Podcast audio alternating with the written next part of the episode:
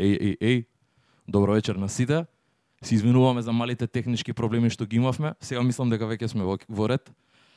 Пандамониум радио шоу број 4.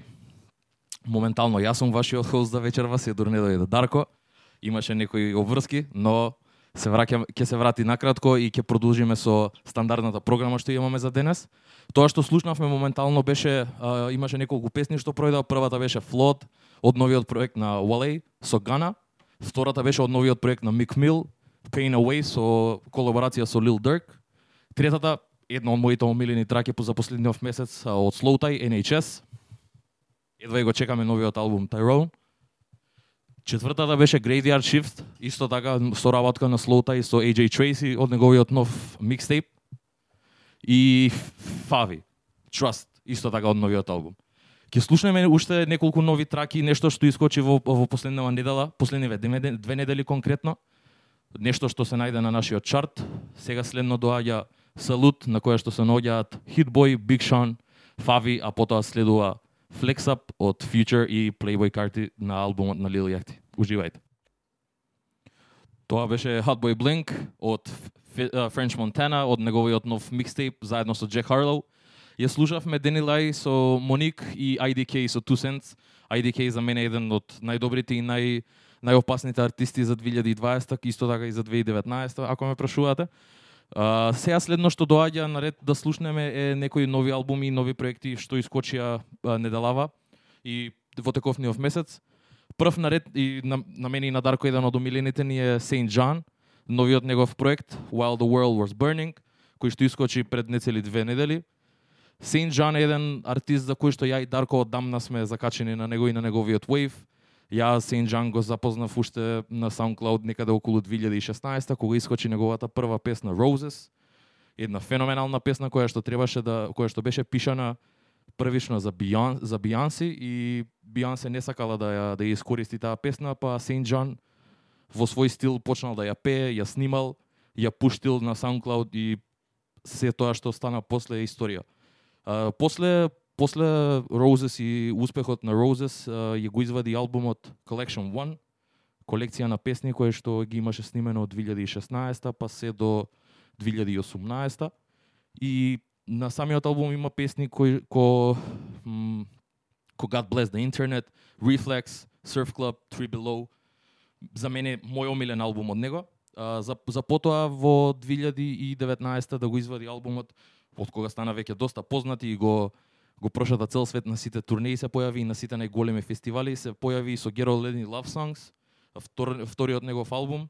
За мене скип во поголем дел од од низ албумот, но имаше неколку интересни песни, па овде се деси и тој пресврт каде што Roses имаше огромен бум со Имамбек ремиксот и за, за сега да тоа резултира во трет проект кој што се вика While the World Was Burning, каде што има uh, Roses ги се појави во две верзии. Едната е со Future, другата е со Имамбек. Uh, има други песни од видот на Маника Левински, која што исто така се појави и на предходниот албум. Не знам од која причина е тоа, но се надевам дека има добра причина за тоа. А исто така Pray For Me и Smack DVD, две песни кои, на кои што гостува Kanye West, што е изненадувачки според мене. Песни ко Quarantine Wife, JID, така да да не го должам многу мене албумот ми се свиѓа, го слушнав неколку пати, ќе има одбравме неколку песни, слушнете па да да збориме. Пишете ни во чат кога се осеќате. Идеме со Sucks to be you. Pray for me for the man I'm supposed to be. Pray for me, put your hand on me. Pray for me and my enemy. Хеј, хеј, хеј, хеј, хеј, поздрав екипо. Ајде in the house. Добро вечер на сите. Ова беше Pray for me од Saint John и Kanye West. Здраво Трајо, официјално. Здраво Дарко, ни фалеш. Ми фалевте ви мене, извинете што каснам дечки, не не можев никако да ги избегнам обврските што ги имав. Али затоа еве сум пола сат покасно Пандамониум радио број 4. Го слушав Трајо малце последниве некои 10-15 минути да кидев навака. Одличен водител е Трајче. Работиме на случај. Поздрав цела екипа, го слушаме Сент Џон. Трајче даде многу убаво интро за него и за неговата кариера. Го слушаме од поодамна песната Розис оваа година доби големо внимание и во хаус светот и во хипхоп светот повторно. Мене лично Розис многу ми се допаѓа и, и а, многу добар а, многу добра поента ти беше тоа дека две песни од Kanye West на еден проект во 2020 е нешто што не може со кој не може да се пофали баш секој артист. Реално. Се слагам. А и самиот факт, Roses, кој што реков, мене, на пример, OG верзијата на Roses ми е омилена. Не можам да кажам дека имам Back House хаус верзијата ми се свиѓа. Ја мразам, дури ја презирам, ќе бидам груп, но не знам зошто на пример и сите и сите тие ремикси, Future, а, иако воведе свој елемент на трагата, мислам дека Saint John сам сам по себе некако ја прави трагата да биде посебна и мислам дека не треба ништо плюс. Но ја разбирам поентата и зошто има толку ремикси на истата. Па да, јас мислам дека има нешто врска сигурно со лейбл, бидејќи кога некој лейбл да одлучил дека сега ќе ја прави хит, па Јап, да, Па ни, пред спроведе. известно време ги потпиша за Def Jam, така да. мислам дека Но, тоа е тоа, тоа е од конекцијата. причината. Инаку мене предот многу ми се свија, иако не ми е баш за секој муд бидејќи Сен Џон на моменти знае да ми е малце да не речем даун, али така малце мрачен на некој начин, Меланхоличен, да. меланхоличен. Али овој проект ми изненади посебно во ова време, есен, кон зима, добри траки, добри синглови. Ќе ја слушаме песната Gorgeous после Smack DVD со Kanye West. Песната Gorgeous ја пуштив јас на еден од стримовите што ги правев во среда, веднаш што ми излези, одма ми фатило дека е многу ја клубски бенгер. Така да Повеќе да се. проектот има многу добри песни и мислам дека многу добар чекор напред за Saint John да добие рекогнишн, да го добие рекогнишн што го заслужува уште од 2016. Се радувам многу и мило ми е што се случува ова сега во 2012 2020. Ќе ја слушнеме песната Smack DVD од Saint John и Kanye West, претходно ја слушавме Pray For Me, а на почетокот Sucks To Be You. Uh, Smack DVD, па потоа ќе иде и Gorgeous, значи уште, uh, многу добар клубски клубски хит од овој албум. Го слушаме Saint John Pandemonium Radio шоу број 4. Идеме. Call you a.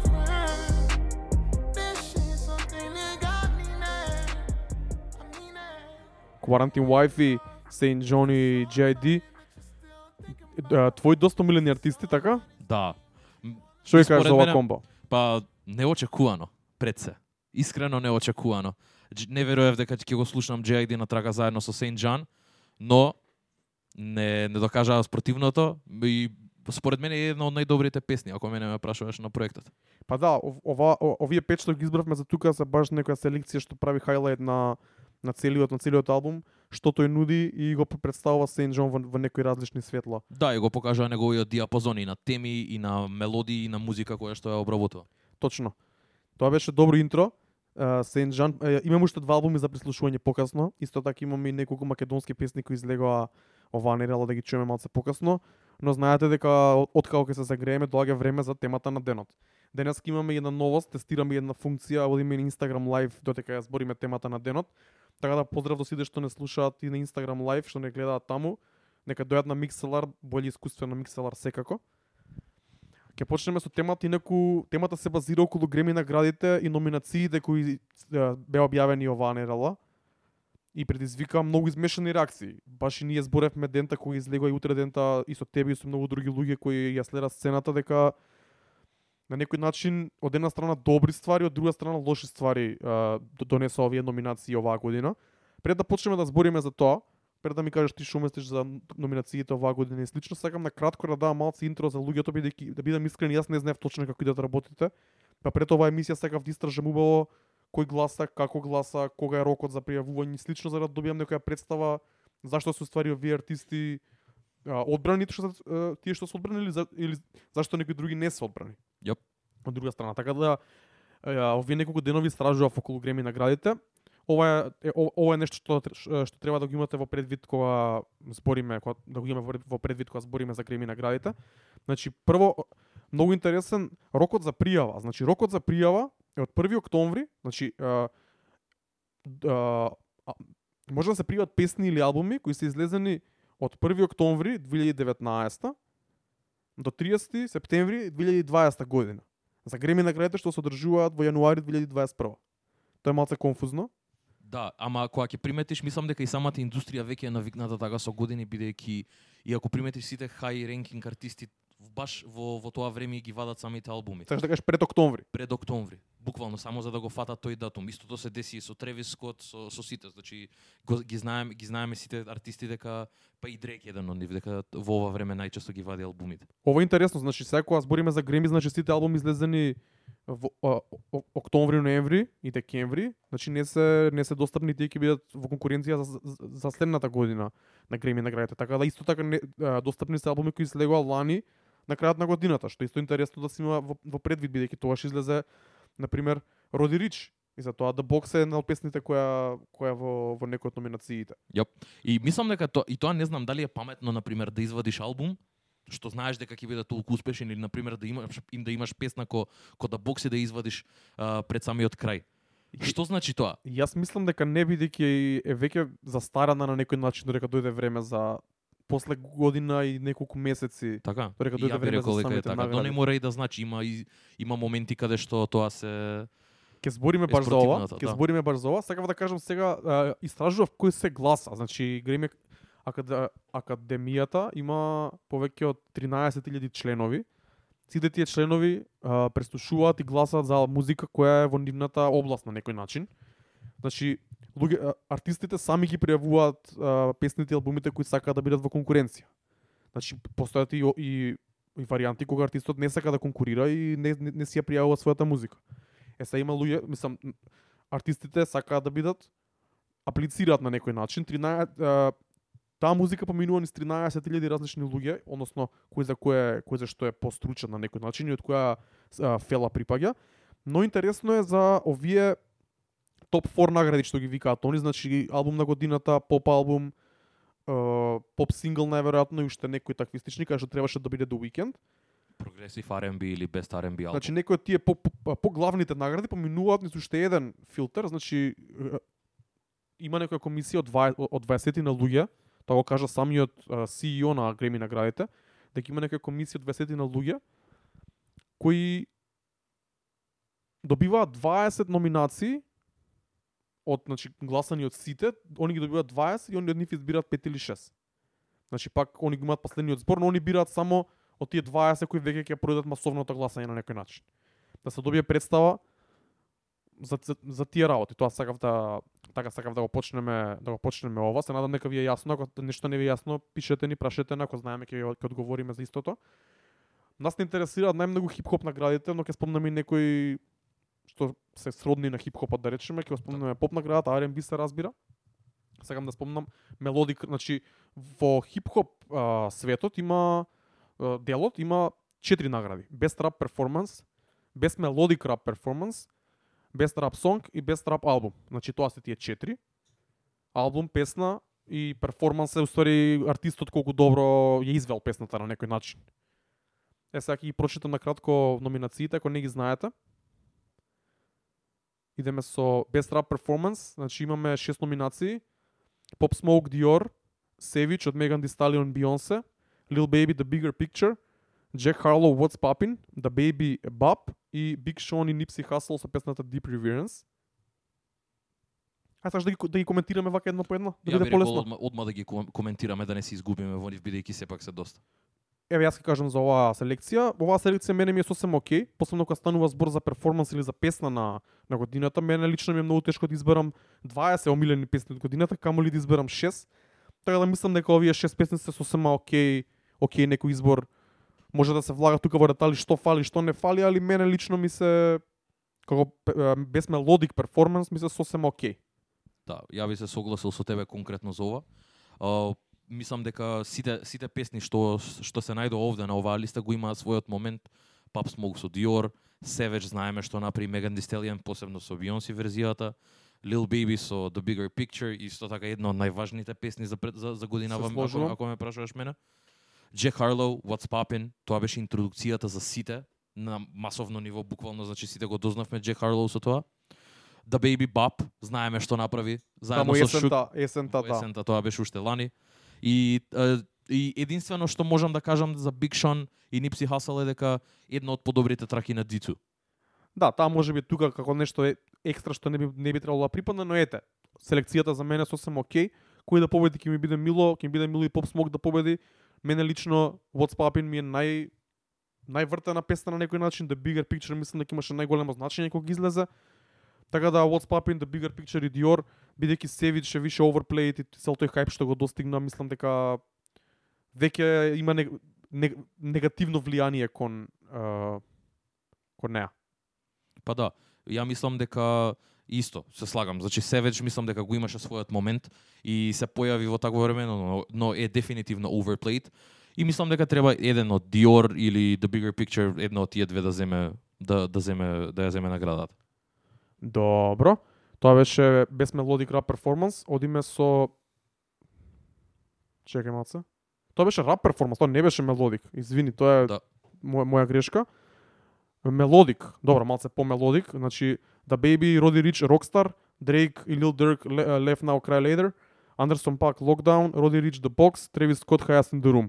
Јас лично се сложам и со многу добра селекција. Ова е одлична селекција, actually. За мелодик рап, тука не би можел да изберам. Left Now, Cry Later ми омилена, Highest in the Room беше огромен хит, The Box исто така, Lockdown, една од најдобрите песни на Андерсон Пак од последниот период. Сосем окей. На место, дефинитивно јас се слагам. И што мислиш, кој би кој кој е твојот пик од од тој од таа листа? Ја лично го треба да бираме Left Now Cry Later, али ако земеме објективно, кој да победи нема да нема да биде грешка. Нема да биде грешка, да. Може би, може би, на пример, не знам, еди, иако го сакам Андерсон, пак мислам дека не се наоѓа помеѓу вакви песни. Поради тоа што неговиот неговата песна не беше хит во ниеден момент, туку беше, не беше само хит, добра беше, песна. да, во добар момент, но и сепак важна песна во, во, во моментот кога се појави. Одиме сега Best Rap Song. Uh, the Bigger Picture повторно, The Box повторно, Left Now Cry Later повторно, uh, Rockstar и Savage Savage од uh, Megan Thee Stallion и Beyoncé. Значи веќе поминавме низ овие награди. Мислам низ овие песни се номинирани и, за, и тука така да сосема во ред кој да победи. Така се слагаме. Да, ја мислам дека Дрейк си замена со две со две Гремис. Ке видиме. видиме. Ке видиме. Е сега одиме Best Rap Album. Тоа е номинацијата која предизвика многу измешани реакции. И со право. и со право. Значи имаме пет uh, real хип-хоп албуми ќе ги наречам на некој начин.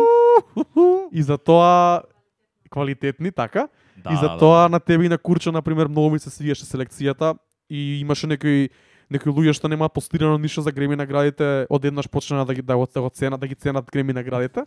да. Реално. Се слагам. Весник диса малце, ама нема везе. Значи, ова се петте номинации за, за Греми наградите за Best Rap Album. Фреди Гибс и Alchemist, Alfredo, Nas, King's Disease, Royce the 5'9, The Allegory, G Electronica, A Written test, Testimony и this smoke Black Habits.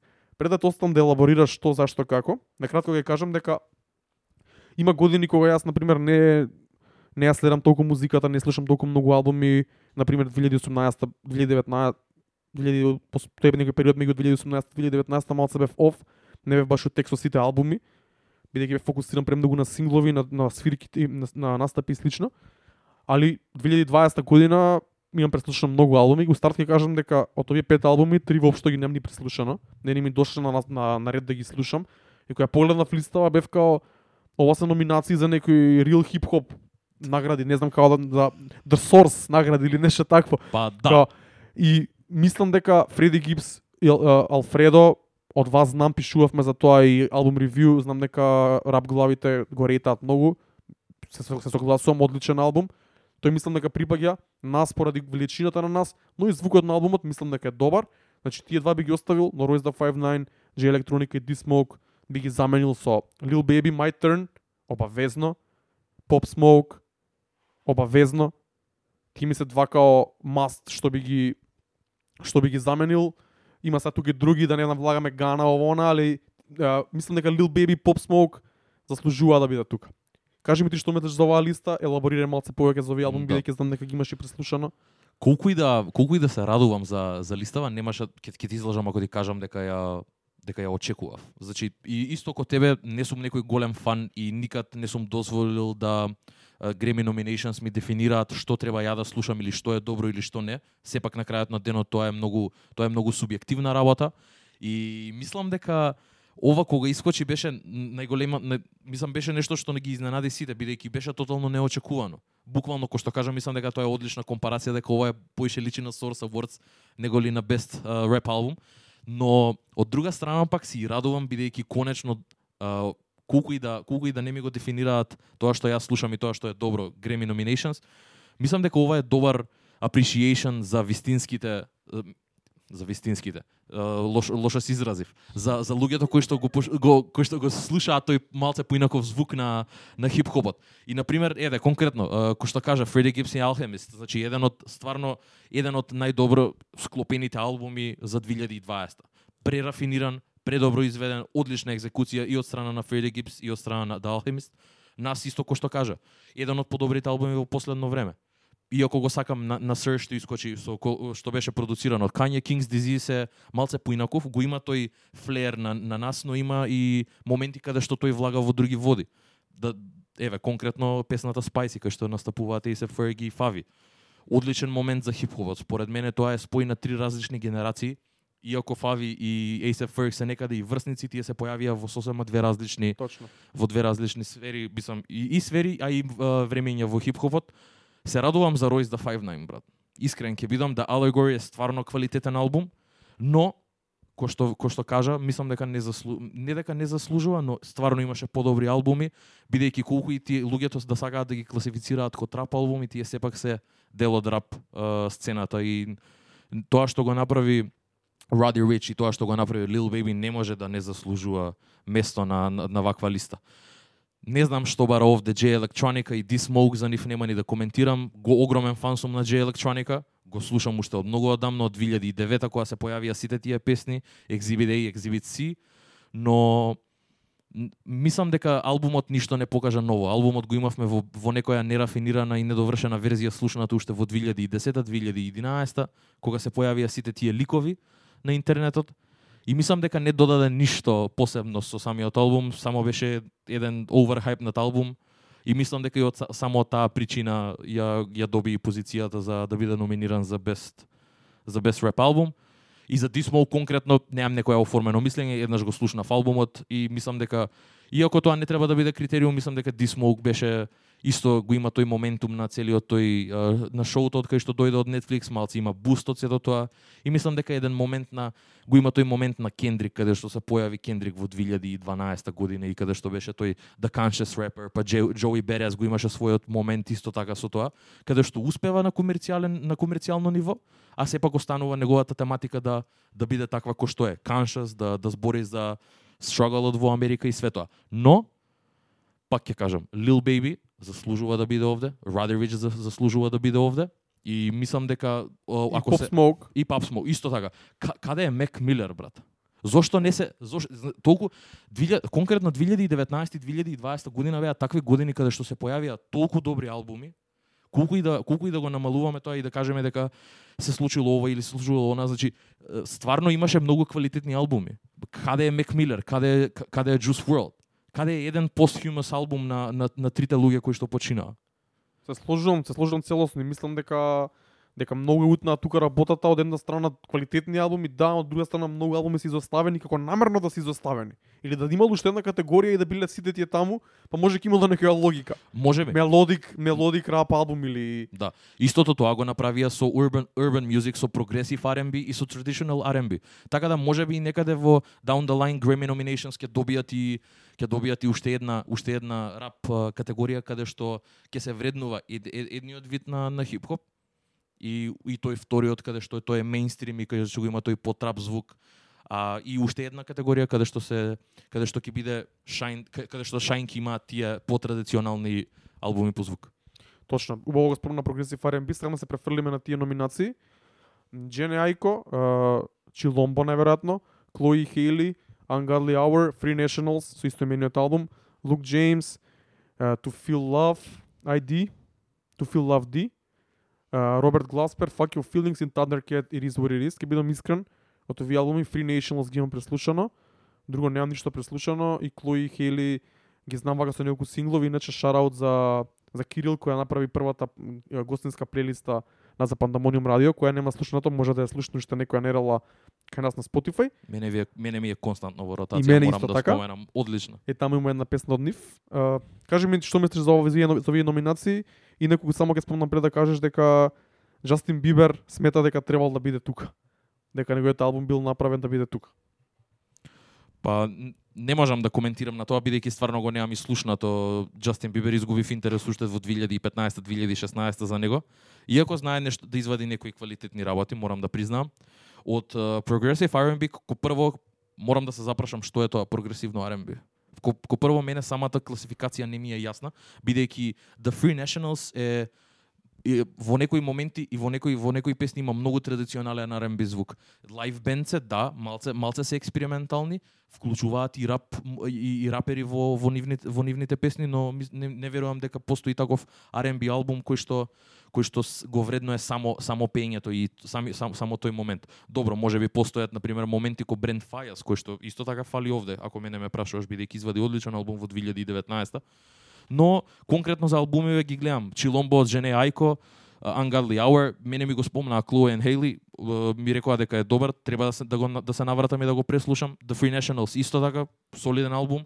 Fuck Your Feelings од Роберт Гласпер, пред некое време се се закачив на него, слушнав неколку работи, убаво звучи, но треба да му дадам повеќе внимание бидејќи не е таква музика која што можеш наеднаш и да, да оформиш мислење за неа. И Thundercat, еден од омилените и најлудите ликови што може да постојат, it is what it is, прекреативен лик и од овде мене ако ме прашуваш мислам дека а, тесно е, но колку и да ја сагам жене ајко мислам дека ова ќе ова ќе помине некаде околу некаде на Chloe или на The Free Nationals. Ќе видиме. Добро, тоа беше прогресив R&B. Ќе спомнеме на брзинка и поп наградите, иако реално за мене не се воопшто релевантни, но сепак тука да се, за да може да се надоврзам и на The Weeknd. Бидејќи The Weeknd припаѓа негде помеѓу поп и R&B најверојатно со новиот албум. Припаѓа и во двете. Припаѓа во двете, Но конкретно овој албум морам да признам дека е повеќе поп него ли што е R&B. се сложувам и јас. Номинациите за, за, за најдобар поп албум се Justin Bieber со Changes, Lady Gaga Chromatica, Dua Lipa Future Nostalgia, Harry Styles Fine Line и Taylor Swift Folklore. Ќе бидам искрен, освен на Justin Bieber што преслушав неколку песни, појма немам, но конкуренцијата ми изгледа сериозно така да може и да да сватам зашто го нема до викендот негде. Извадете го Harry Styles, ставете го The Weeknd. Ете. Не знам, мене ми е мене ми е толку чудно бидејќи настрана на тоа што што ние е, изборевме за The Weeknd, како се како се чувствуваме за неговиот албум, го зборевме, но не можам да го да го тргнам фактот дека Blinding Lights беше една од најголемите песни кога искочи дека имаше преголем моментум, дека беше преважен албум и колку и да не ми се свиѓа тој 80 звук и сето тоа што го направи таа персона околу целиот тој, тој, тој албум, на крајот на денот извади многу солиден проект. Од страна на продукција беше извонреден за тоа што сакаше да го направи, да биде 80s албум.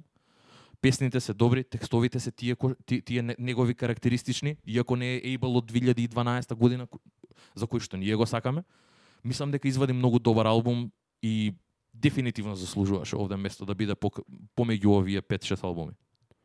Или бар да има песна, е така, албумите не се бар да биде во конкуренција за песна или да биде бар во конкуренција за R&B албум или изгледа мене ми изгледа ко намерно да да, да, не. да, да, да. И мислам дека овде има некоја политика и некоја еде, виша сила каде што конкретно тие 20 луѓе кои што одлучувале за за за овие за овие категории, мислам дека и тие пресекли. Имаше муавети дека нели во моментот кога требаше тој да настапува за Греми, тој одбра да настапува за Супербол и мислам дека можеби и таму има нешто настапено, но ка, и, и самиот и самиот The Weeknd беше испровоциран на Твитер, значи тој буквално ренташе на на Твитер и збореше збореше против Гремис дека него и неговите фанови значи се оштетени од тоа и дека заслужуваат некакви reparations буквално од од Grammy nominations. Така да не знам, ја искрено моето мислење, моето искрено мислење е дека дефинитивно заслужува било каде барем една, ако не за албум, заслужува за Blinding Lights. Бидејќи стварно беше едно, од најголемите песни кога искочи. Да. Се служам, со, со тебе се служи неколку луѓе кои ни пишаа на првиот е, question што го поставивме пред 4-5 дена, кога утре дента што ми излегоа номинациите, Анабела, Денис, Тоби и Викторија беа едногласни дека до викенд ограбен. Андреевска го спомна Мек Милер со Circles, дека фали, тоа го спомна и ти. Да. Не, и не е тоа дека Мек Милер е мртов. Uh, Circles беше стварно е извореден. Во која категорија би го ставил ти? во хип-хоп албум. Circles, иако, иако трансцендентира жанрови, мислам дека заслужува да, да, да се бори помеѓу Best Rap албум. Purple Sour ни пиша дека Lil Baby фали, тоа го спомнавме. Очигледно е. Очигледно е. Кико ни пиша респект до нас и J Електроника, ми имаше многу подобри албуми, посебно од албумот на J. Тоа и го кажавме, се сложуваме со тоа. И Чичко Неокс ни пиша дека имало нула добри албуми оваа година, така да Неокс Слободно нека се стаи Неокс од во чат, ќе се на расправаме до на утре за тоа. се свија.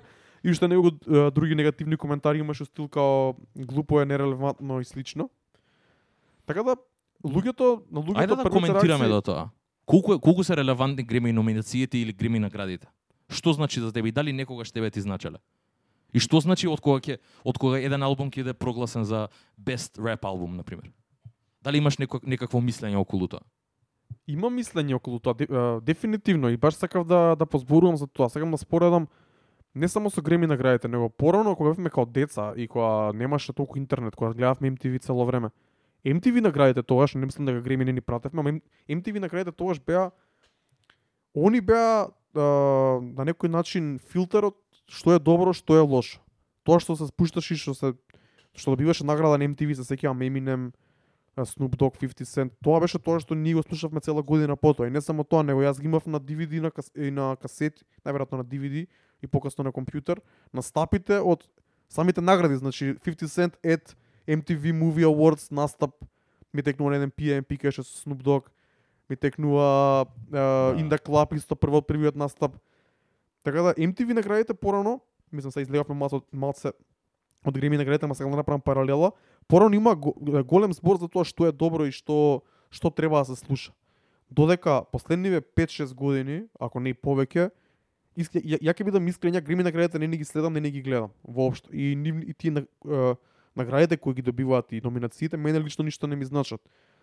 Им, сега имаме радио емисија и треба да ги третираме работите кои се актуелни на, на сцената, па за тоа и бев прв за да ја за да направиме оваа тема да биде тема на денот, бидејќи има многу што да се зборува за тоа. Но за мене лично не значат ништо. Поставив неколку прашања денеска на на стори, може би уште не, не не знам добро да ги поставувам за да добијам добри одговори. Али таму поставив прашање што според тебе е мерка за квалитет на некој начин. Е, јас ќе кажам за мене, јас, на пример, за мене, може би не мерка за квалитет, али некој, тоа што гледам, на пример, од светската сцена, тој хайп или views, како диџеј морам да ги следам за да знам што е попин некаде во светот. И нема да кажам дека тоа има поголемо значење за мене од Греми наградите, но на некој начин има бидејќи тоа е тоа што луѓето actually го слушаат Така. освен ако не се купени views. Тоа, значи, самите views на YouTube за мене се порелевантен фактор од колку Греми наградите како награди. Black Boy JB. Така. Така, нема значи- да нема да го најдеш на некоја на нек, на, на Grammy номерите или нешто такво. Тоа е, значи тоа е, тоа е така со многу артисти што ги слушам и ги пуштам. Посебно со тоа што се некој не, не, некоја граница помеѓу мејнстрим, бидејќи не се сосема мејнстрим, Ама имаат некаков following. имаат а имаат огромен фоловинг. Јап. И тоа беше многу тоа беше исто скоро едногласно луѓето кажаа дека многу малце како м, најмалце што може да допрат со прстот, значи 5-10% им се релевантни греми наградите како дали слушаат музика според тоа кој ќе добие греми. Луѓето Посебно во овој период, ја би рекол, кога веќе се се е на дланка и е толку лесно да стигнеш до нова музика, да истражиш нов артист. Мислам дека као и ретки се тие што се reliable sources као за за нови артисти, за нова музика. Е, па- Ретки се и веќе тие Instagram пејџови, блогови или што и да. Да, и баш ради тоа, после кога ги поставив следните следните прашања, значи јас на пример од луѓе како тебе, тв- твоето мислење многу повеќе го го ценам на некој начин, ако ти ми речеш брат, мора ова да го слушаш, Алфредо е добар албум, треба да го слушнеш, и ако и од прва може нема да ми фати ова, втор пат, трети пат ќе му дам шанса ако ти стоиш на тоа дека е ова е добар албум. Твоето мислење го ценам, ми значи мене повеќе за тоа за тоа по наводници квалитет, Така. отколку самите Греми награди, бидејќи таму има многу политики, многу игри, лебелите се вмешани. Тука сакам само да кажам уште нешто пред да оставам. Истото важи за плейлистите на Spotify. Тоа веќе го зборевме јас и Бодан, тоа е некоја тема за друг Да. пат. Но многу повеќе сакам да следам плейлисти и, и сетови на луѓе и на диџеи што знам дека искрено го прават тоа и што стварно селектираат музика за нивен кейф, И немаат политички цели позади тоа. отколку Rap Genius и такви плейлисти кои се на, на некој начин купени од страна на, на артистите и нивните лейбли. Дефинитивно, да.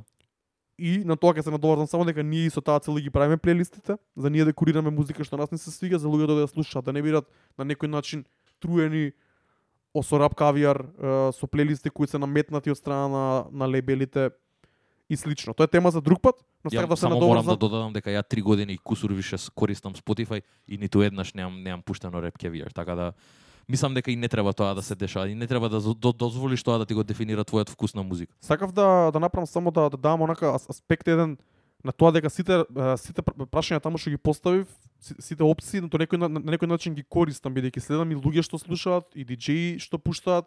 Нивното мислење можеби не ми значи по секоја цена да ми биде квалитет, али тоа ми е на некој начин првиот филтер. Ако ти ми речеш дека ова е добро, добро, ај ќе му дам шанса. Така. Те сваќам и имаше еден таков момент конкретно за Сен Джан, кога го пуштав уште кога беше SoundCloud рапер во 2016-2017, кога уште никој не го знаеше на Trap да факап журки. Но дефинитивно да се навратиме на на ова, конкретно за за мене, а, ја исто, исто ко тебе никогаш не сум ги следел Греми наградите, но ќе излажам ако кажам дека не сум ги изборал моментот кога искочиле номинациите. Значи се дружиме со такви луѓе кои што исто така се музички снобови кон нас и цело време имаме неколку групи више на Инстаграм кај што интензивно се збори за музика и ка, колку и да не се репери, колку мене да не ми значат, секогаш на крајот на денот ќе ќе ги погледнеш и ќе предизвикаат и кај тебе некаква реакција. Затоа сега ги избориме конкретно, бидејќи нам не ни значат лично, но даваат тема и отвараат некоја дискусија каде што стварно можеме преку преку тој диалог кој што го инспирирала самата номинација да да, да оформиме мислење или да да го сослушам твоето за што ти мислиш дека е најдоброто нешто што искочило годинава и кои се тие албуми што треба јас да ги чујам и мислам дека затоа и ги вреднувам бидејќи муабетот дискусијата која што ја ќе ја направиме ја и ти ќе ја однесеме во друг правец во наш бидејќи ја и ти се знаеме и ги знаеме нашите музички вкусови.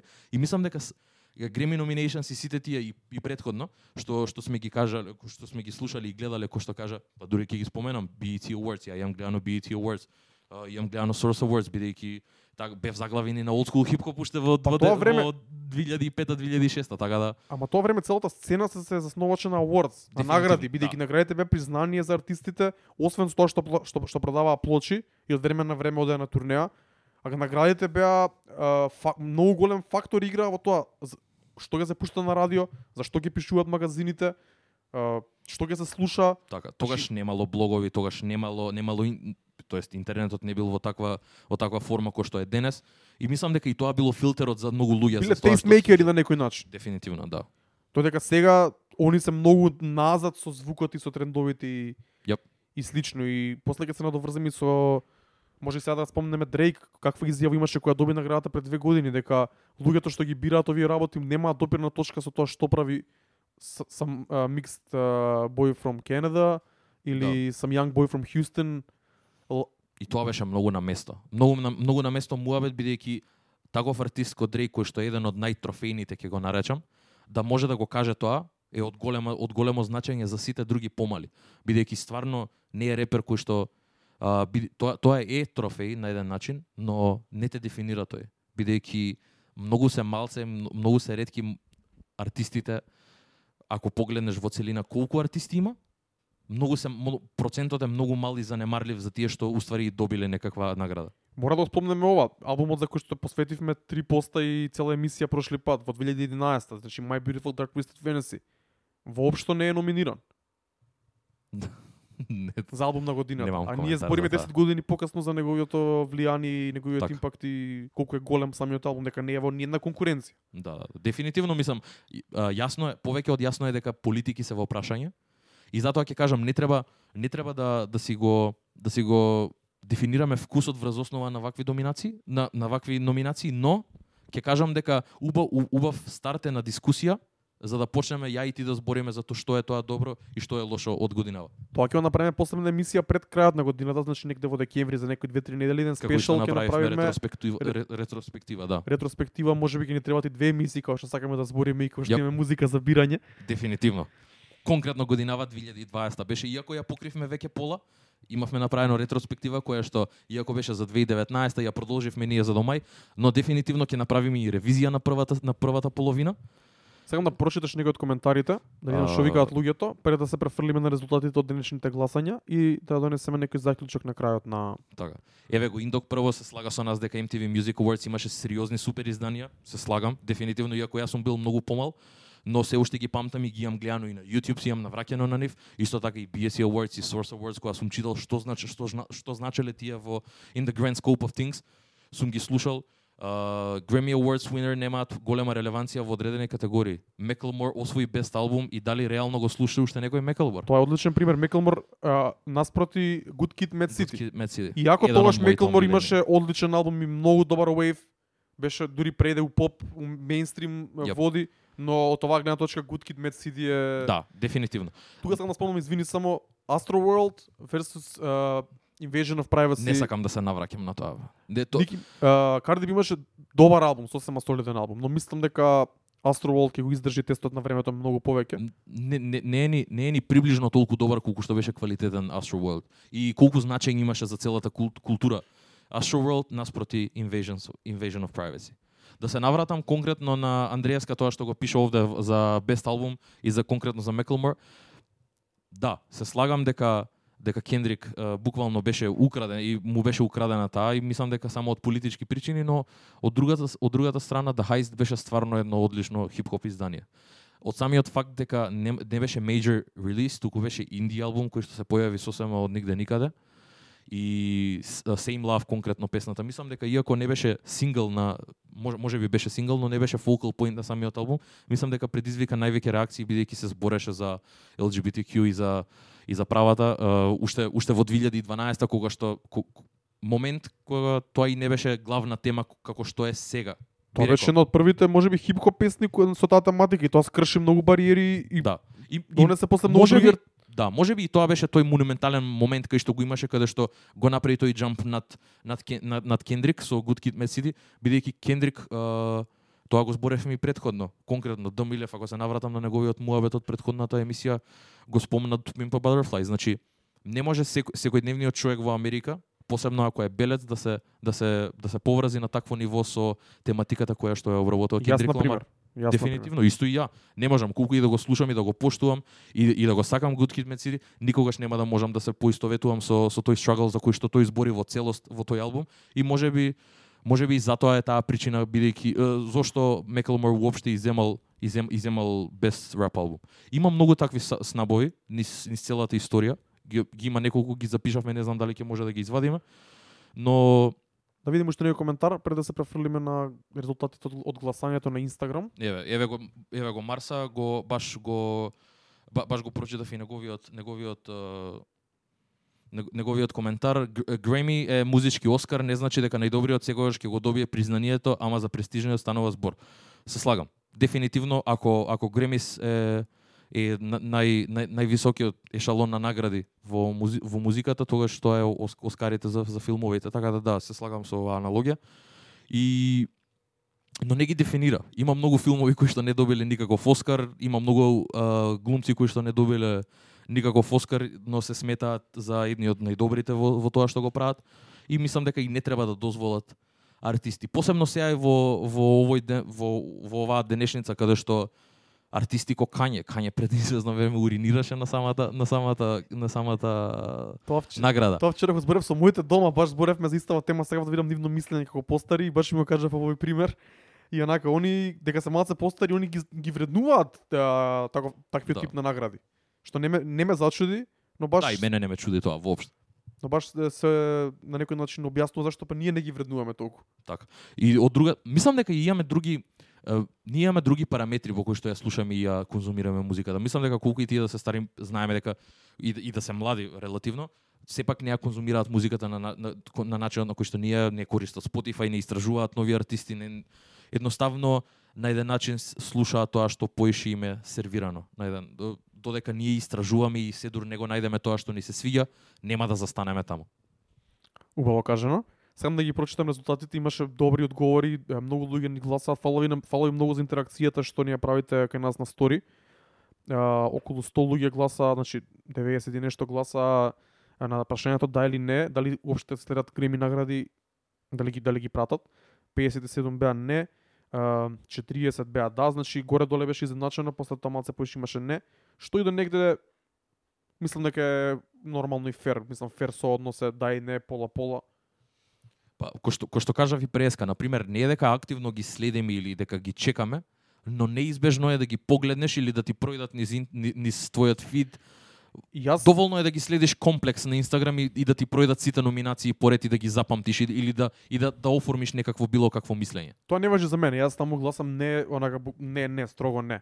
Да? Иако сум дел од иако сум дел од сцената, не знам како да објаснам, као не, не нема значење, онака стварно нема. Да, мене мене ми немаат апсолутно никакво значење, но муабетот е дека може би ете така како вест на денот, само и толку. Така, да, ми- како како и да е неизбежно е да, да не ги видиш. Мислам дека дека бидејќи се инспирираме цело време од запад, од западњачката култура, Америка е таква машинерија која што буквално ти го сервира тоа сакал или не и мислам дека неизбежно е да да ги видиш ти листите, но твое и ќе од, мислам твое да одлучиш дали ти ќе оформиш мислење за тоа или не. 96 луѓе гласа на тоа колку им се значени а, ваквите награди за а, тоа што дали слушаат они или не слушаат музика. Многу, значи одговорот беше 90% беше на самот на самиот почеток од слайдерот, така да на луѓето што не следат а, музи... слушаат музика и не им значи дали истата има награда или признание за за тоа. И ги поштуваме заради тоа. Да, респект за тоа. Потоа поставив едно друго прашање, треба да поработам малце на прашањава, бидејќи има многу еднозначни одговори. И некој шараот за сите што одговори искрено, а не пробува претенциозно да изгледа многу кул на за одговорите. А, на прашањето што или кој за тебе е најрелевантен извор за оцена на квалитет под наводници? А, награда или признание? YouTube views, hype или друго? А, 55 одговорија со друго, Hype во заграда Комплекс Медија одговорија 14 и се сложувам со тоа, реално свесно или подсвесно мислам дека овие други 55 Комплекс Медија и другите како што кажа и ти многу влијае на тоа да, на квалитетот под наводници да мораш да чуеш нешто. Да, да, да. Ти го сервираат Ти едноставно. го ти се- гради мислењето дали индиректно или, или директно мислам дека влијае многу на Да, и тоа е да social media го прави тоа. Но еве ја конкретно пред три месеци го направив unfollow на сите комплекс страни. Бидејќи стварно стварно го осетив го осетив тој момент каде што буквално сервираат некои работи кои што се гледа дека се предплатени да го направат тоа. А, ед, едно гласање имаше само за YouTube views. Јас ке се признам како DJ следам YouTube views. Иако зборевме првата емисија дека не се толку важни, покажуваат нешто. Посебно покажуваат од 2015 година кога не можеше толку лесно да се платат и да се направат. Се некаков репер на на некаков начин. Порано има многу поголемо значење, но сега исто има значење, иако дупло поише нема значење, но views покажуваат од, одредена покажуваат се одредена мерка на некој начин. Да, да, да, да, Не за дефинитивно. Ја би квалитетот, рекол, туку за чисто ама пак е параметар за колку луѓе знаат за самата песна, дали е позната воопшто или не. Да. Имаше тука некои одговори, ги прочитам на брзинка. Каров ни пиша дека блог постови ревју од познати музички сајтови, шоуа и е, подкасти. А, Димитрова ни кажа дека не за неја за неја најбитен трудот вложен во песната и посветеноста за, нејзино компонирање. Марио ни кажа дека cultural aff- affirmation slash voice of the people, што мислам дека е многу добар одговор. И јас исто така ги вреднувам по тоа. Тоа е тоа што останува. Да, мислам дека тоа то- тоа тоа е моментот кој што дава легаси на една песна. Се сложувам. Поздрав до, до, до Дарја Трајковски што пишал како ќе кажат пандите. Поздрав од пандите. Неокс ни пиша само индивидуален вкус. Херцака Бат ни пиша дека сите три набројани ги, ги, ги зима во предвид, што исто така интересен одговор, бидејќи тоа значи дека ги следи работите и му значи што кај... Ама мислам да некаде нема човек што што прави само една работа. Мислам Па дека се- тоа е неизбежно. Кол- Колку и да сакаме и да бидеме претенциозни да, да звучиме така, не неизбежно е да бидеш инфлуенсиран од, од, од дали, дали од некој пост, дали од некоја страна. Брат, ја имам наоѓано артисти од реклами. Има неколку Инстаграм пејџови кои што стварно се занимаваат и не се, немаат никаква политичка позадина. Нормално не можам да го знам да го знам тоа, не го тврдам, но по, по постовите кои што го прават ќе се гледа дека стварно се занимаваат да промовираат квалитетна музика пред се, не мора да е нова, понекогаш си и стари. И ќе кажам дека има такви, но само треба да ги изфилтрираш. Буквално social media еден таков фил, треба да направиш еден таков филтер и мислам дека можеш да ја направиш да функционира сама за, за себе. Ја барем успеав Spotify да го направам да функционира за мене. И затоа секоја недела, секој, секој петок, секој понеделник сум закачен на релиз на релиз рейдарот, сум закачен на на све тоа што слушам и мислам така и така дознавам исто ќе иако ќе се ќе се сам ќе се негирам, конкретно е дознав еден артист од Греми номинациите, тоа е Чика. И мислам дека е одличен R&B звук и сакам во во иднината да, да, да слушам повеќе работи од неа. Одлично излагање, ќе прочитам на кратко што дел од, од коментарите. Многу луѓе кажаа лично мислење. А, The Host Tow имаше интересен коментар. За него се знае значени микс од професионални критики и генерален импакт. За него најчесто најдобра музика го а, ги поларизира луѓето, а ретко критичарите. Одличен коментар, многу ми се допаѓа. Поздрав и до Кирил, исто така следи рецензии од релевантни извори. Rolling Stone, Billboard, тука ќе се додам Пандамониум радио се надевам. Тоа зависи од луѓето што не Majestic слушаат. ни иначе. кажа да се underrated повеќе. А, колку артистично, Китановски кажа колку артистично ќе е тоа. Домилев, shout out Домилев ни кажа being true, uh, true to the music you make, значи он многу вреднува realness и, и true, trueness и пробува да, да го осети тоа. А, Давор Минчоров, содржината на текстот, битот, флоуто, карактерот на артистот, како звучи така натаму. Ова се се супер одговори. Марина исто така собствен критериум, значи они си имаат луѓето си имаат свој критериум по што препознаваат. Ова беше поише на менето за кој влијание ги имаат од страна, но ќе се потрудам подобро да ги поставувам прашањата и да ги Да, ама да на крајот на денот некако. Да, ама на крајот на денот стварно мислам дека е микс од сите. Се сложам дека микс од сите и се тоа не ми се допаѓа дека 80 луѓе кажа дека 100% личен вкус а, имаат, но ајде тоа е друга друга тема, ќе поработам јас на случајот да ги поставувам подобро овие анкети. Ај за крај на на темата на денот. Дали се на кратко, дали се релевантни наградите? Во На кратко. За- зависи зависи во кој поглед, но ќе речам дека во во, во ден, на денешницава не. Бидејќи има многу повеќе параметри кои што даваат релевантност на самата музика и мислам дека самите награди се моментални во тој момент кога ќе искочат и после една недела, две недели, месец дена завршува сето тоа. се сложам, тоа каже Дрейк, ако имате луѓе што доаѓаат на концерти, купуваат мерч, одвојува, бевме тие. одвојуваат време, да, одвојуваат време, патуваат со, со, со своите Фативме лет за Берлин да го гледаме Дрейк, така да се, тоа се си кажува. За, за него тоа е побитно од било која награда. тоа е најголемата номинација што може да ја добие еден артист, така да Се сложувам и мислам дека тука се, се, се слагаме и ние, се, очигледно се слагаат и луѓето.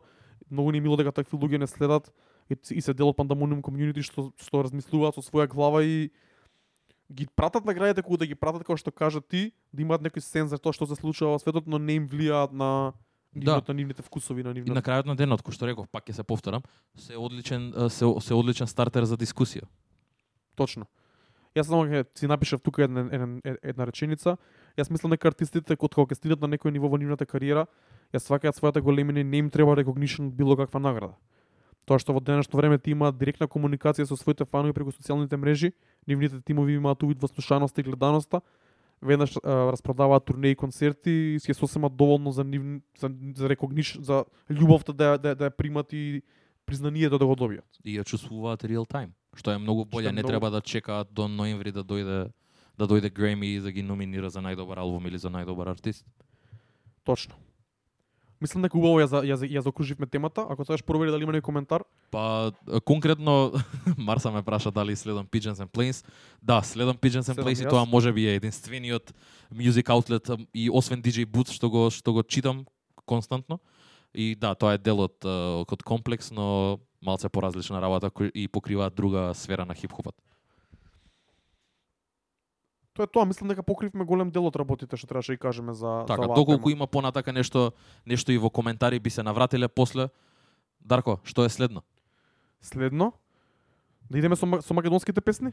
Ја би рекол да. Кој за име- почеток? МК сцена, значи за тие што не знаат, воведовме во втората емисија нова рубрика МК сцена, која доаѓа после темата на денот. Во неа пуштаме македонска музика која излезе на со надеж таа нерала која ќе ја пуштиме, но ако нема, ќе толерираме и малце постара, ама да е свежа музика македонска. И ве молиме праќајте ни. Пракете ни, имавме имавме среќа, ни пратија а, тројца артисти. Шараут за Херц, но, но тој се договоривме да почека да почекаме додека излезе песната, после тоа да ја промовираме. А денес ќе промовираме а, Тоби, еден R&B пеач. Ќе кажа нешто повеќе за него малце покасно. Прво ќе чуеме песната. И Young Daddy, се едно ми е, новата, новиот сингл на Young Daddy, за кој пишувавме исто албум ревју а, на почетокот на, на пролетта.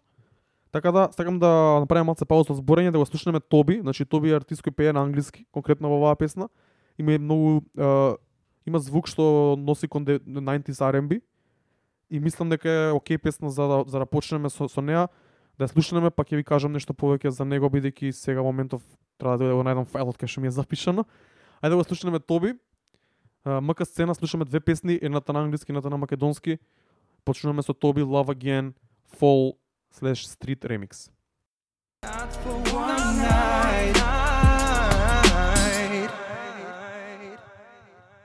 Тоа беше Тоби со песната Love Again со Fall slash Street Remix.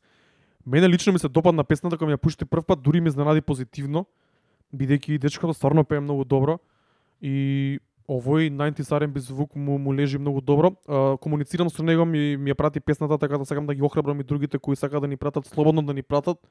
Ќе видиме сигурно, ќе слушнеме, ќе позборуваме. Секогаш слушаме. Му кажа да ми прати кратко инфо за него, бидејќи не се не, не се знаеме лично се видено само неколку пати. А, Тоби е пеач, текстописец и продуцент базиран во Скопје. И ова е неговиот ремикс на песната Love Again, која беше објавена како дел од неговото EP Confessions of a Lonely Mind. Има неуспех во првото EP и се фокусира на продуцирање за други артисти за други артисти од балканската естрада. После долго време продуцирање позади сцената, колаборира со Дарко Димитров, Милан Радуловиќ, Лач, Елена Китич, Раус и други, и потоа ја започнува својата соло кариера и моментално работи на неговиот прв официјален R&B албум. Интересно био, се мислам дека Ај кажи ми ти прво што мислиш за песнава, па јас ќе се надоврзам на неа.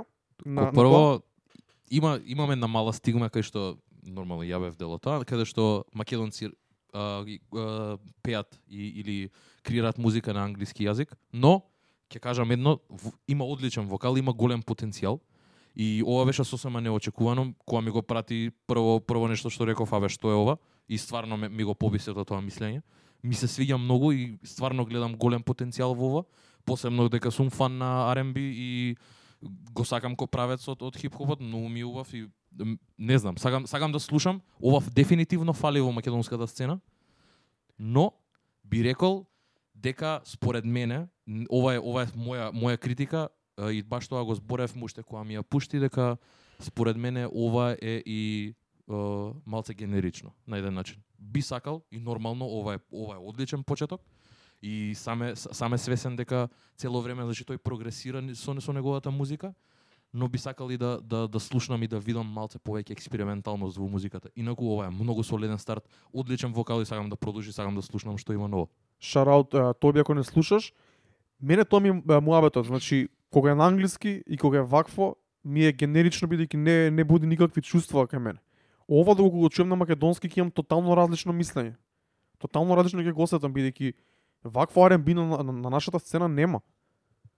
Би го охрабрил и би сакал да го на македонски, Јако знам дека тоа е потеш, потешко, многу многу артисти не можат ни да се изразат на македонски. И го разбирам тоа, но првиот мојот што го правам со било кој македонски артист е Океј е на англиски, ама дај да видиме на македонски, бидејќи кога рапуваш, кога пееш на англиски или рапуваш на англиски, си во конкуренција со Крис Браун, со Дрейк, со Да, апелираш на сосема друга сцена. не, да, едноставно си си дел од нешто друго и кога е на англиски не можам да го осетам како што треба. А ако е R&B најверојатно е музика што треба да се осети. Да, и ја го мразам и тој муаве дека македонскиот јазик не е створен за пеење. брат. Само да се вратиме на М2 продукција и на се тоа што маке- македонците има правеле во 2000-ти, така да има одлични женски вокали, има одлични R&B хитови уште од, од раните 2000-ти и мислам дека тоа е сосема одлична основа за, за од каде што може еден артист да почне да се инспирира и да прави многу поекспериментални ствари со R&B музиката. Супер кажано, ги читам коментарите. Се надам дека ви се допадна на вас. Пишете ни како ви се свигаат македонски песни, но без хейт. Пандамониум радио не е место кај што се шири хейт. Може да не ви се свига да пишете конструктивен коментар, но хейт е, никако не не поддржуваме. that. Да. Тоа беше Тоби со Love Again. Шараут до Тоби уште еднаш, ако не слуша, чекаме нов материјал да ни прати да промовираме тука на МК сцена. Исто шараут Young Daddy ако не слуша. Ја ќе ја слушнеме неговата нова песна за која извади видео насловена Се едно ми е. Имав шанса да ја слушнам и додека беше во некоја работна верзија, па да и да давам некоја некои совети на некој начин. Сакам да ја слушнеме, па после да позборуваме за неа. Ајде. Одиме со Young Daddy, се едно ми е, има долго интро и го пуштам, ќе позборувам врз него. Значи сите артисти кои сакаат да ни пратат нешто да чуеме, и ако е во работна верзија, и ако е финална верзија, пратете ни. Ќе го вклучиме на МК сцена. Затоа сме тука да шириме музика. А, може би да споиме некој артист кој не се спознава меѓу себе, некои артисти што не се познаваат со продуценти. И така. Одиме со Young Daddy, песната се едно ми е. Најновиот сингл на Young Daddy, некој шараоти за Тоби и за Дади што ги имаат најно песните на Spotify. Во истиот ден кога се извадени, така да не требаше да ги пуштаме од, од iTunes, туку се ги пуштивме од Spotify. Одличен потек и морам да напоменам нешто, доколку имате проблеми со Spotify, слободно пишете ни, можеме да ви помогнеме и околу тоа и да ви го објасниме процесот како може да, да си ги пласирате песните на Young, на на Spotify. И слободно, DM како и да е или мене или Дарко ќе ќе ви помогнеме на било кој начин знаем. Тоа беше Young Daddy со се едно ми е, ќе да кажеш мислење за песната. Уф, а, ја слушнав, ја, ја, ја, ја немав таа шанса кој тебе да ја слушнам дурбеш уработна верзија, ја слушнав сега кога искочи, го гледав и спотот и мене ми се свиѓа. Не, не е нешто неочекувано од, од Young Daddy, значи пак е во, во, во негов флейн, негов звук. Убава мелодија, мене ми, ми се допаѓа, вака on first listen, кечи песна, но мислам дека а, би сакал малце порафинирана да биде, бидејќи Дади има има има има има потенцијал да, да ова ова неговиот стил да го направи ептен свој, да го рафинира уште толку многу повеќе. И мислам дека единствено нешто кое што може би замерувам е неговиот вокал. Мислам дека треба малце да поработи на тоа, мислам дека е малце прегруп за за ваков стил на музика, но мислам дека тоа може да се испегла како иде понатака. Сепак е релативно млад артист и мислам дека треба му се даде тој benefit да a и да продолжи со само да само само да само да вади материјал и мислам дека само ќе стане подобар со време. Точно, точно. А, Веќе е добар да се разбереме. И мене исто ми се допаѓа, има многу потенцијал за, за напредок и во, во вокабуларот јас повеќе би кажал. Начинот на пеење тоа исто така ќе треба треба се вежба и треба да се работи со некој што е професионалец во тоа.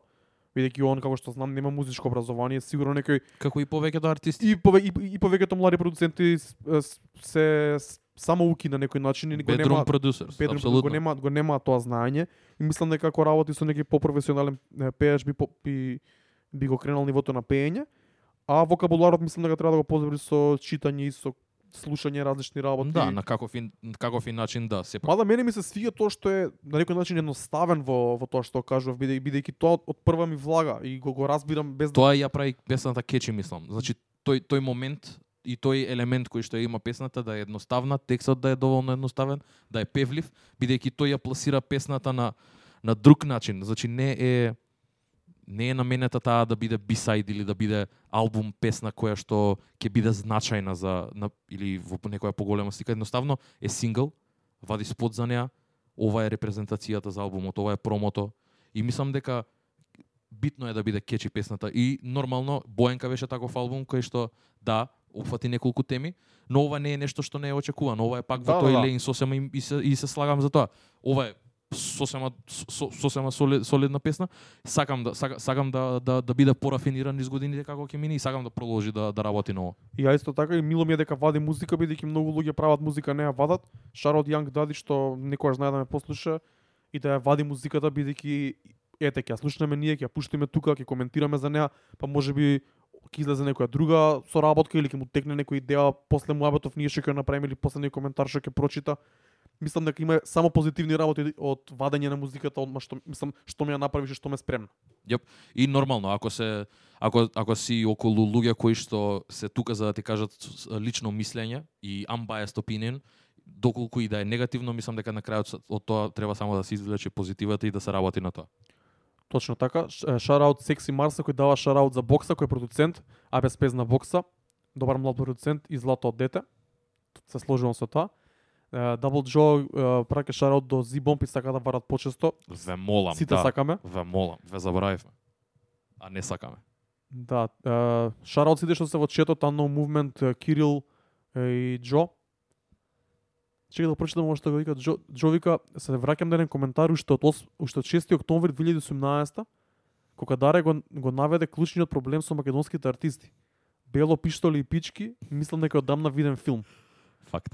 Шараут Джо, не знам кај си го запамтил ова, дали беше она Джишок журката на Алвар Муаветот Со, дат, со дата. хитет, е, хитет е, дискусијата што имавме. Нема врска. Али тоа беше уште значи пред две години е тоа, повеќе од две години. Да, и уште е релевантно ако ме мене прашаш. Повеќе од, од било кога Да, до 2020 да, тоа, година. тоа е моментално македонската естрада и сцена. Али затоа шараут за Young Daddy за Тоби кои прават поразличен стил и се свој. Пак ќе напоменам, И- ве молам, доколку имате, доколку имате пријатели кои што креираат музика, нека ни пишат, нека не се плашат, праќате ни submissions во, во DM, ќе ги, ќе ги слушнеме.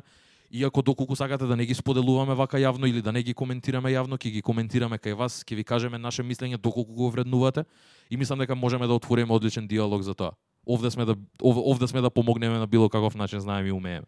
Со тоа завршуваме вечер, вечернава МК сцена и остануваат уште два албуми за крај во малце поспоро тем, темпо, намерно ги ставивме тука за да го приведеме четвртото четвртата епизода до крај.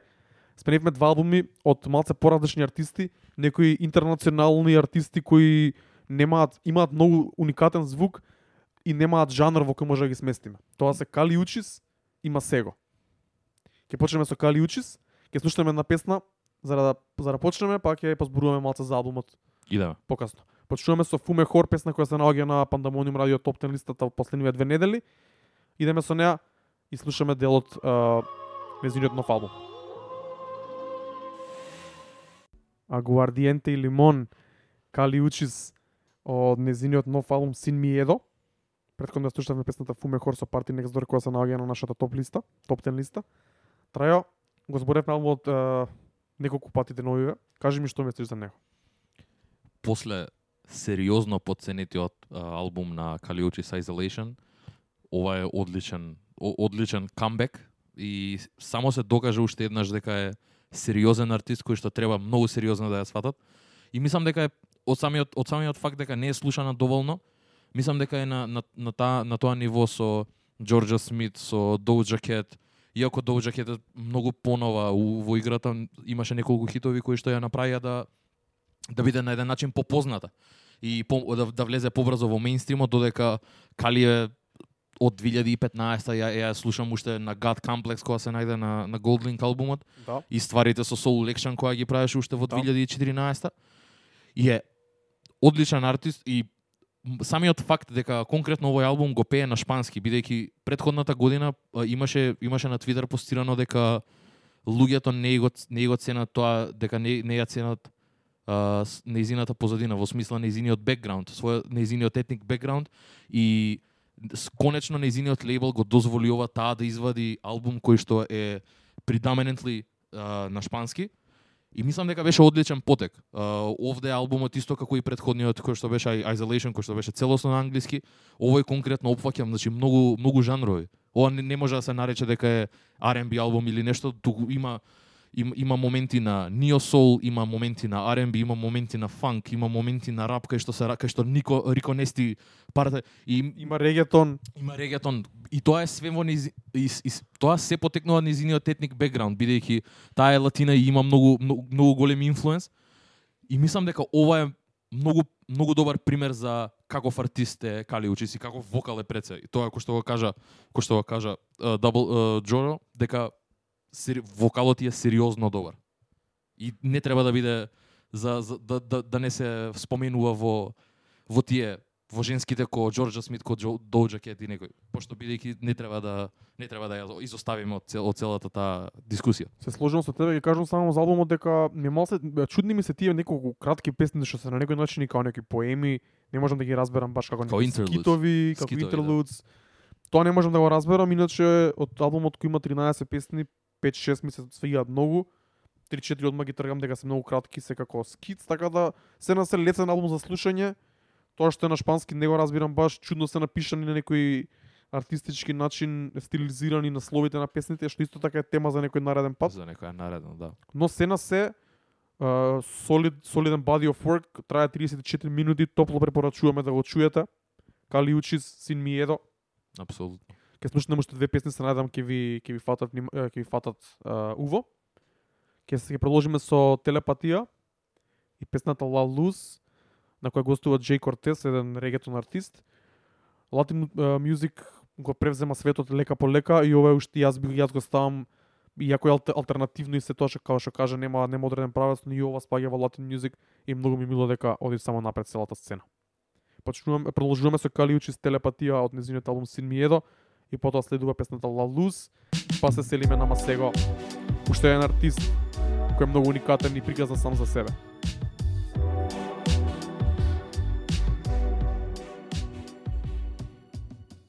Учис La Luz од незиниот албум Sin Miedo. Се надам и фати ако ви фати преслушате Кали така како артист, а, огромна дискографија позади себе, можеби не во проекти целосни, но на многу места се појава како гостин и слично. Многу широк диапазон на звуци. Во пет, во, во четири песни слушнавме регетон, слушнавме фанк, слушнавме нио сол, слушнавме R&B. Мислам дека нема нема што повеќе да се збори. Самиот албум и самата музика збори за збори за себе. Многу добро ми се поклопија со Масего да ги ставиме еден после друг и тоа вака на крајот. Одлични Бидејќи да. ги ставам, ги ставам некако слично во бидејќи не можам да ги ставам во еден кош. Тука се насекаде се имаат секаков стил на музика, прават секаков стил на музика и посебно новиот новото EP на Масего Studying Abroad. Посебно посебно Масего би рекол дека е мултиинструменталист и стварно експериментира со звуци. Повеќе него ли кали. А, и мислам дека ова беше во право мени, во, во право време извадено од страна на Масего.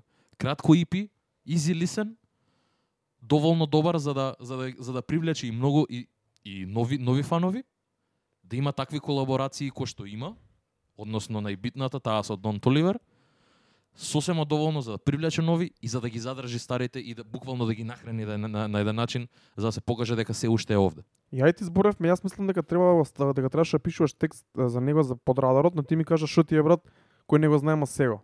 Ја ја не верувам дека Зашто дека тоа така? ја не верувам дека постои човек што ја нема слушнато тадау. Искрено. Од, од са, само да тргнеме од тоа. Може би не го знаат името, но тој првиот песпорт клеп кога ќе го слушнат, мислам дека им е јасно за кој артист станува збор. Стварно е една од таквите траки универзални би рекол би рекол што стварно се а, многу препознатливи, имаат многу препознатлив звук и мислам дека тоа го дели Масего. Буквално, бук, тој тој песпорт клеп кај што прави кај што прави снер од самиот од самиот пасош е момент за мене. И мислам дека да, може би не го знаат толку многу луѓе, но музиката му ја препознава. Тоа ми беше целта на, на сето тоа. И од, може би од тој аспект не, не мислам дека треба да биде во под во подрадарот. Добро, се сложил со тебе за тоа. Сакам да кажам на кратко за овој за овој EP Studying Abroad многу и како што кажа Easy Listen 16 минути, 6 песни, го шетав кучето и онака од прва го преслушав многу лесно и одма го пуштив втор пат. Многу добар проект, ми се свиѓа целата приказна. Има иако е краток, има концепт во него. Паспорт, Studying Abroad, значи екс- експериментира со звуци од целиот од целиот свет. Дури има еден скит тука кај што збори за јамајканската музика. И од местата кај што ги посетил, да. Така да се си има логика многу убаво склопено и мислам дека многу убаво му легнува на на, на дискографијата која има. Така. А, почнуваме со првата песна од EP-то која се вика Паспорт од EP-то Studying Abroad. Ајде да чуеме стигаме до крајот полека. Ќе го преслушаме Масего за крај така вајбот е многу chill и easy.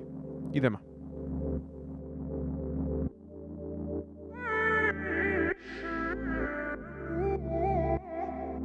But you can say, yo tengo mi pasaporte. Or you can say, jag har mitt pass. Масего и Шенсеа Silver Tongue Devil од а, паспорт од Јапонија се префрли со скитот на Јамајка Феноменално. и таму продолжи. Одлична транзиција. Баш сега тоа го зборевме, дур бевме, дур не бевме майктап.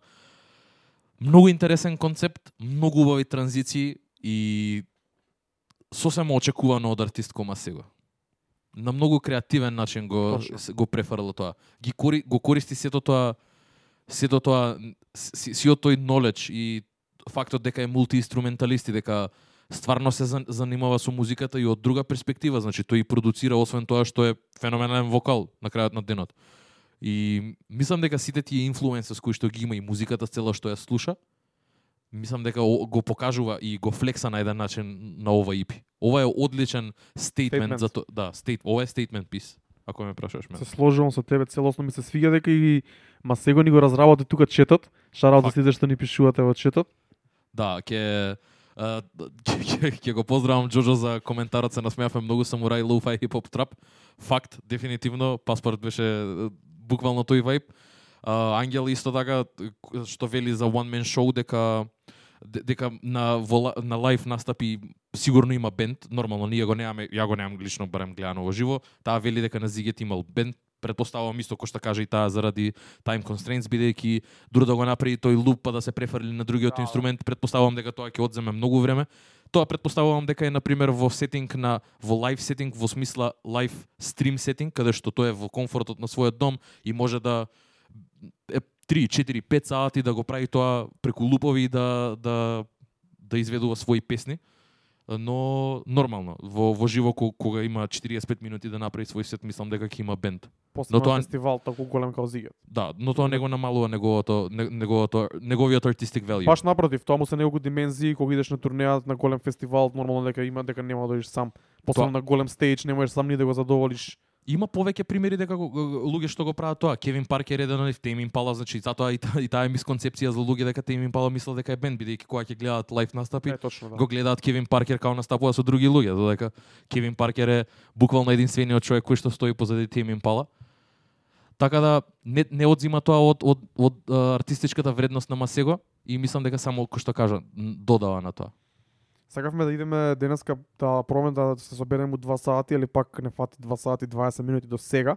Ви благодариме што останавте со, со нас. Шараут што не слушате, ќе завршиме со Масего, решивме да го пуштиме целиот проект бидејќи краток, има уште 4 песни кои се кратки. Тоа што следува е Масего со Дон Толивер, клучната песна која веќе добива некој мейнстрим, мислам онака некој некој recognition од целиот свет, се појавува на YouTube многу често во релетити, луѓе од различни страни ја слушаат, ја доживуваат. Мислам дека Ептен е погодок Мистери Леди во соработка со Дон Толивер. Ја очекуваш оваа оваа Не, колаборација? воопшто. Така, воопшто. Ме, значи, ако, ако ги напишам Масего и Дон Толивер на лист, ќе се изнервирам. Но сега гледајќи гледајќи ја песнава, бу, буквално ми го смени целокупното мислење што што имав за оваа комбинација. Лу, луда соработка, не, не, не го очекував ово Дон Толивер искрено пред се, бидејќи знам на какви на, на какви битови рапува на, на, на и што е неговата преференца за за продукција. Но тоа е работата на еден артист цело време да не изненадува со неговите потези, така да Точно. не можеме и да бидеме преизненадени од тоа. Ќе го преслушаме Масего до крај, почнувајќи со Дон Толивер, сакам да ви се заблагодарам сите што не слушавте вечерва и што останавте до самиот крај. Тоа беше Пандамониум радио шоу број 4, малце поразлична музика, малце почил, шараут до Секси Марса кој на кого му се допадна селекцијата денеска. Ќе комбинираме, ќе пуштаме и и трап и хип-хоп, но и вака нешто малце поалтернативно. Затоа сме овде. Е, Тоа, го- тоа го имаме зборено со Дарко, колку и да слушам истата музика, слушаме исто и многу различна музика во сферата на хип-хопот и на, на, R&B, на, на R&B светот. Така да, не знам, ќе ќе покриваме тоа све што слушаме, ние ништо не слушаме само бидејќи искочило, мора прво ние сами да го преслушаме на, на своја да ете, да речам на свое време и на своја волја да го преслушаме и го покриваме, така да нормално доколку ни стигне некоја сугестија во во DM ја и, и обраќаме пажење на тоа, ќе ќе прослушаме нешто.